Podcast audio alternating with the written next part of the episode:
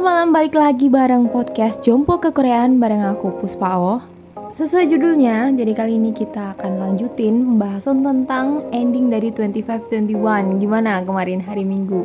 Sudah selesai galaunya? Sudah terjawab? Tentu saja tidak. Jadi pada intinya ya, ending dari 2521 kemarin tidak menjawab sebagian besar pertanyaan dari penonton yaitu Bapak Kim Min Jae tidak dimunculkan sampai detik terakhir. Jadi gimana nih karena tidak muncul sampai detik terakhir apakah kalian puas?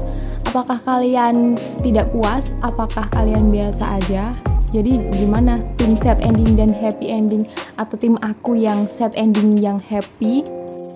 Kalau dibaca-baca ya kemarin selesai langsung lihat timeline jebret semua pada ah marah-marah ya kan.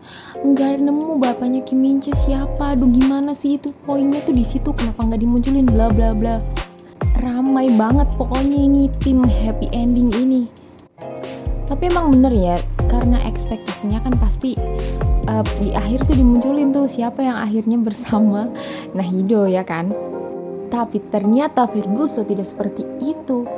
Memang endingnya tuh sangat sangat unik sekali ya. Aku suka sih secara pribadi. Tapi tergantung masing-masing penonton dari kalian. Ada juga yang tetap kecewa, ada yang biasa aja, ada yang wah heboh, ini bagus banget, aduh aku terharu. Pokoknya kayak gitu ya intinya dari timeline setelah tamat kemarin kalau dari aku pribadi sebagai tim set ending yang happy ya kan ending tersebut adalah sudah sudah sangat pas. Pokoknya tuh pas banget. Karena karena tuh sangat realistis ya. Realistis di sini artinya bener-bener ya yang kemarin dibahas nggak dipaksain kayak gitu kan. Jadi emang sesuai banget sama judulnya yaitu 25 21 di mana usia saat itu ada kejadian yang sangat heboh. Dan pada intinya memang drama ini tuh berfokus pada kenangan-kenangan sebelum akhirnya mereka uh, menghebohkan yang terjadi pada 25-21 itu tadi ya kan? Jadi fokus pada kenangan, kejadian, kehebohan, keasikan sebelum usia mereka menginjak 25 dan 21 tahun. Jadi menurut aku ini ending yang sangat pas. Aku udah seneng banget ya kan? Sebagai tim set ending yang happy. Dan untuk kalian para tim happy ending yang mungkin sangat kecewa, sangat nggak puas pada detik terakhir nggak ditampilin tuh bapaknya si Kim Min dan lain sebagainya. Please, tapi dari awal tuh ya kalian tuh udah dikasih clue kalau bukan Becky Jin suaminya mana kalian tuh diketawain sama Kim Terry gara-gara namain jangan-jangan namanya Becky Jin tuh Kim Becky Jin tapi harap bersabar ya kalian yang tim happy ending. Tapi mau gimana lagi? Kalian tuh udah diberi apa kata Dian Sastro? Cinta sudah diberi isyarat tidak mau mengerti. Kayak gitu kan jadinya.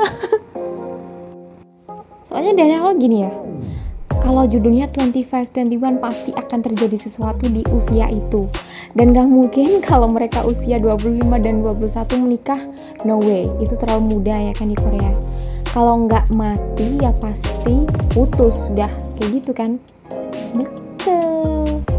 Oke nggak apa-apa. Jadi dari drama ini kita tetap harus bisa menyaring memilah nilai poin hikmah yang harus kita dapat untuk dicontoh ke depannya ya kan? Supaya kita bisa menjalani kehidupan yang baik Oke, yang pertama yaitu sudah pasti tidak semua hal terjadi sesuai dengan apa yang kita inginkan, oke?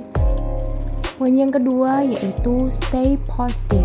Jadi tetap positif ya. Walaupun Nahido sama Becky Jin berpisah ya kan, tapi mereka tidak menyalahkan satu sama lain.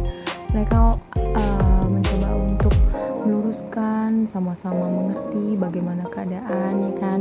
Jadi nggak blaming each other gitu damai. Yang ketiga selalu tetap jaga circle pertemanan. Yang keempat tetap fokus pada tujuan. Dan yang terakhir diharapkan untuk segera move on Karena kita harus menggalaukan drama-drama berikutnya. Oke siapkan hati, pikiran, lahir, batin, mental Dan rock and roll adalah pokoknya itu.